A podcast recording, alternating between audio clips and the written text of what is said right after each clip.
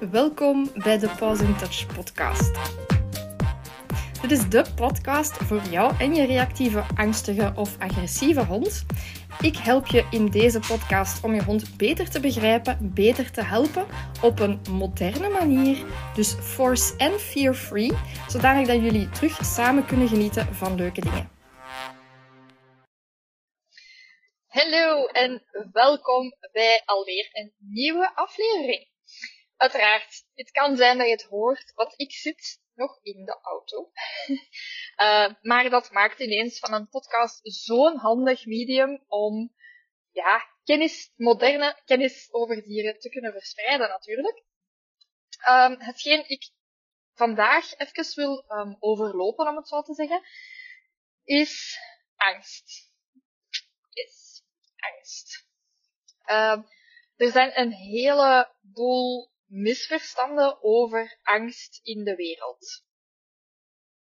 En het ding is dat ik had over het laatst een, um, een gratis uh, kennismakingsgesprek met iemand.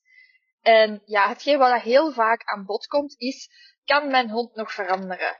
Kan je dat daaruit krijgen? Um, kan, kan dat gedrag nog veranderen? En zo verder. En uiteindelijk in dit geval ging het echt over ja, angstgedrag. En, um, en die mevrouw die herkende dat ook as such. Want ja, staart tussen de benen en bibberen, dat is over het algemeen iets wat dat de meeste mensen wel herkennen, denk ik. Um, dus het ging echt overduidelijk om ja, angst in een bepaalde situatie. Nu, van zodra het gaat over angst, en deze mevrouw had mij ook letterlijk de vraag gesteld van, ja, uh, kunt, je die angst daar dan niet uitkrijgen? Wel, where shall I start? Nee. Um, angst is een emotie. En als we gaan kijken, iedereen heeft emoties, elk wezen, um, zoogdier, voor zover dat we weten, heeft emoties en dat heeft zijn reden. Um, Vroeger werd er gezegd dat dieren niet konden voelen en uh, dat die geen emoties hadden en zo verder. Ja, natuurlijk weten we ondertussen al zoveel beter en zoveel meer over hoe dat, dat allemaal bij dieren in elkaar zit. En ik persoonlijk, ik maak graag het onderscheid tussen emoties en gevoelens. Dus emoties is voor mij gewoon een fysiek proces.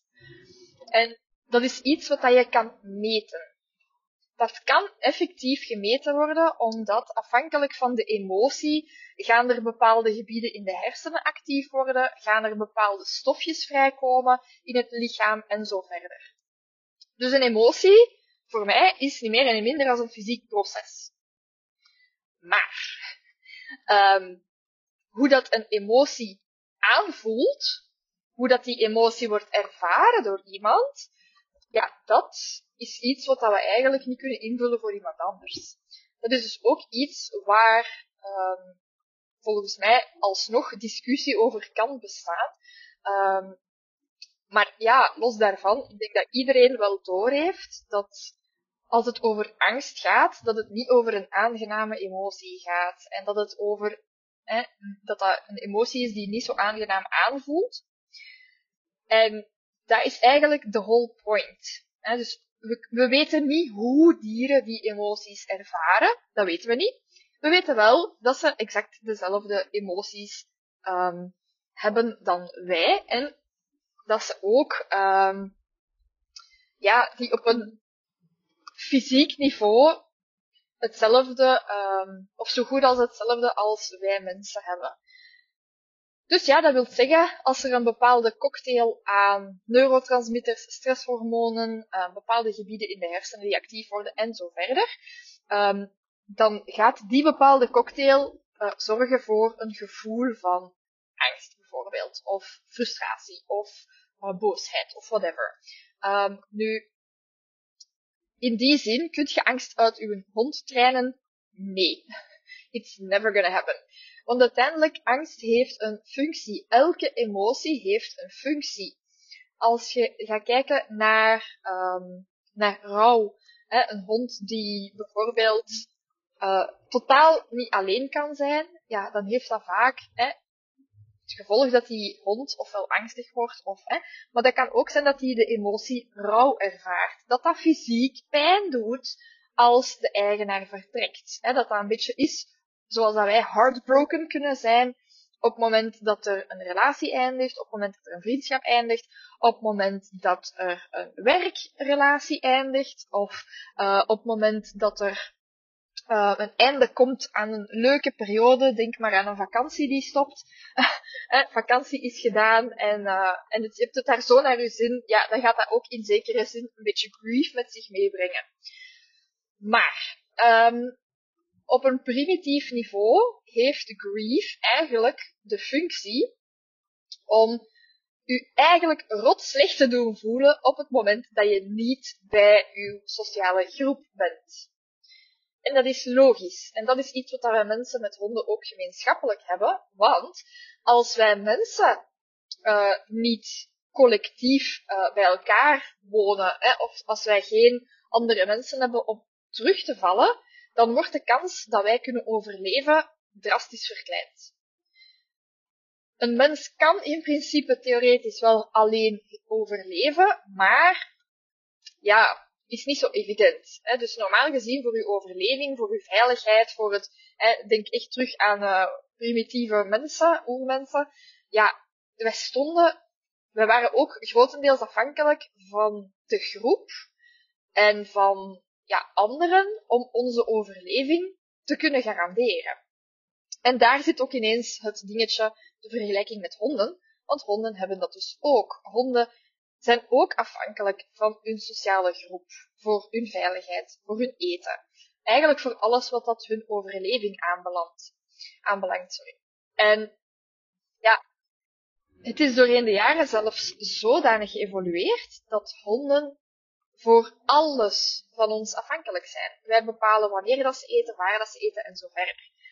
Dus in dat opzicht ook, dat ook meegenomen zal ik zeggen, is grief voor die honden super nuttig. Want wat gebeurt er op het moment dat die hond zich rotslecht voelt als hij zonder u is? Ja, logischerwijs gaat hij op zoek gaan naar u.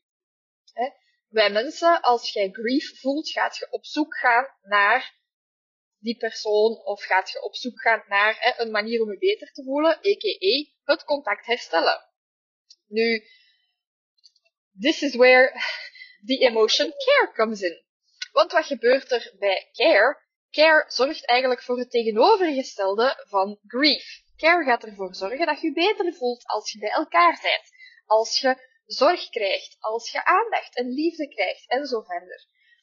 Dat is ook de reden waarom dat als je iemand verloren bent en iemand anders komt u troosten tussen aanhalingstekens, die is er voor u, die biedt u zorg, steun en, uh, en affectie, dat gaat u uw verlies niet minder doen voelen, maar het helpt wel om andere tegenstrijdige hormonen aan te maken, zodanig dat u dat helpt in uw rouwproces. Nu, op het moment dat je het contact kan herstellen en dat er dus die care naar boven komt, dat zijn tegengestelde.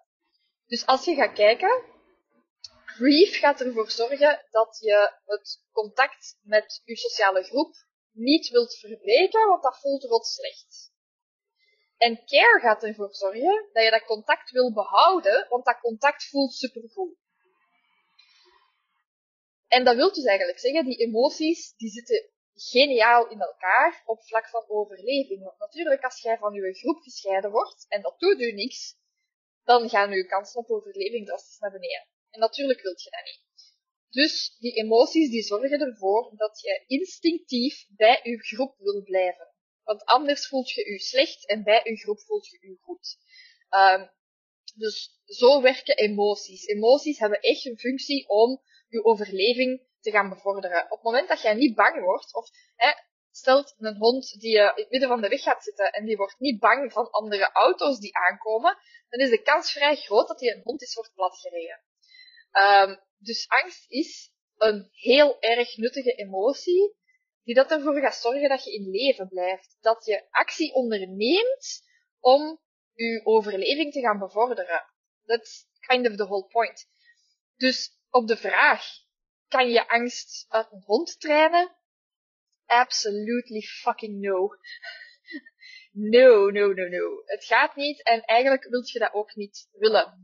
Want als je angst, om zo te zeggen, uit een hond zou kunnen trainen, wil dat ook zeggen dat je er ineens een heel kwetsbaar toetsje van maakt. Um, dan maak je er ineens een heel, heel kwetsbaar, fragiel dingetje van, dat zelfs nog niet doorheeft als er een situatie is waar dat zou moeten bang zijn. Dus, um, ja, dus dat. Dus conclusie. Emoties hebben een nut. Emoties dragen bij tot de overleving van een levend wezen. Of dat dan nu mensen zijn, of dat zijn honden, of dat zijn katten, dat maakt eigenlijk op zich niet superveel uit. Um, maar het is wel nodig om beter te kunnen overleven. En ja, daarom moet je er ook nooit willen uittrainen, om het zo te zeggen. Dat gaat ook trouwens helemaal niet. Je kunt een emotie er niet uit trainen, want het gaat om een fysiek proces. Voilà, dat was wat ik vandaag met u wou delen. Um, ik hoop dat je er iets aan hebt gehad. Je mocht ook altijd de podcast delen om andere mensen te inspireren, om andere mensen deze uh, inzichten of deze kennis te geven. Um, helpt mij ook enorm om andere mensen te bereiken met deze moderne kennis, want ja, er gaat heel veel ouderwetse fabeltjes rond en dat mag wel eens gaan veranderen. Dus voilà, uh, ik zal zeggen, geniet nog van uw dag en tot de volgende!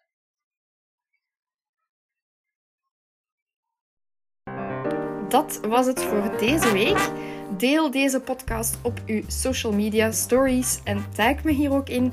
Ik vind het super om te zien waar en wanneer dat je aan het luisteren bent. Wil je graag iets nalezen over hetgeen wat ik hier heb verteld? Op mijn website kan je een blogartikel en een samenvatting vinden van deze aflevering. De link daarnaartoe kan je in deze beschrijving ook vinden natuurlijk ook steeds via Instagram, Facebook of TikTok of zelfs mijn website laten weten wat je van de aflevering vindt. Op social media ben ik te vinden onder Pause in Touch en op mijn website www.pausintouch.be. Beide zijn natuurlijk ook gelinkt in de beschrijving onder deze podcast. Je kan ook andere hondenouders helpen om deze podcast te vinden door een review achter te laten. Zo help je ook mee honden te helpen op een moderne en liefdevolle manier by spreading the word. Dan zie ik je nu heel graag volgende week voor een nieuwe aflevering.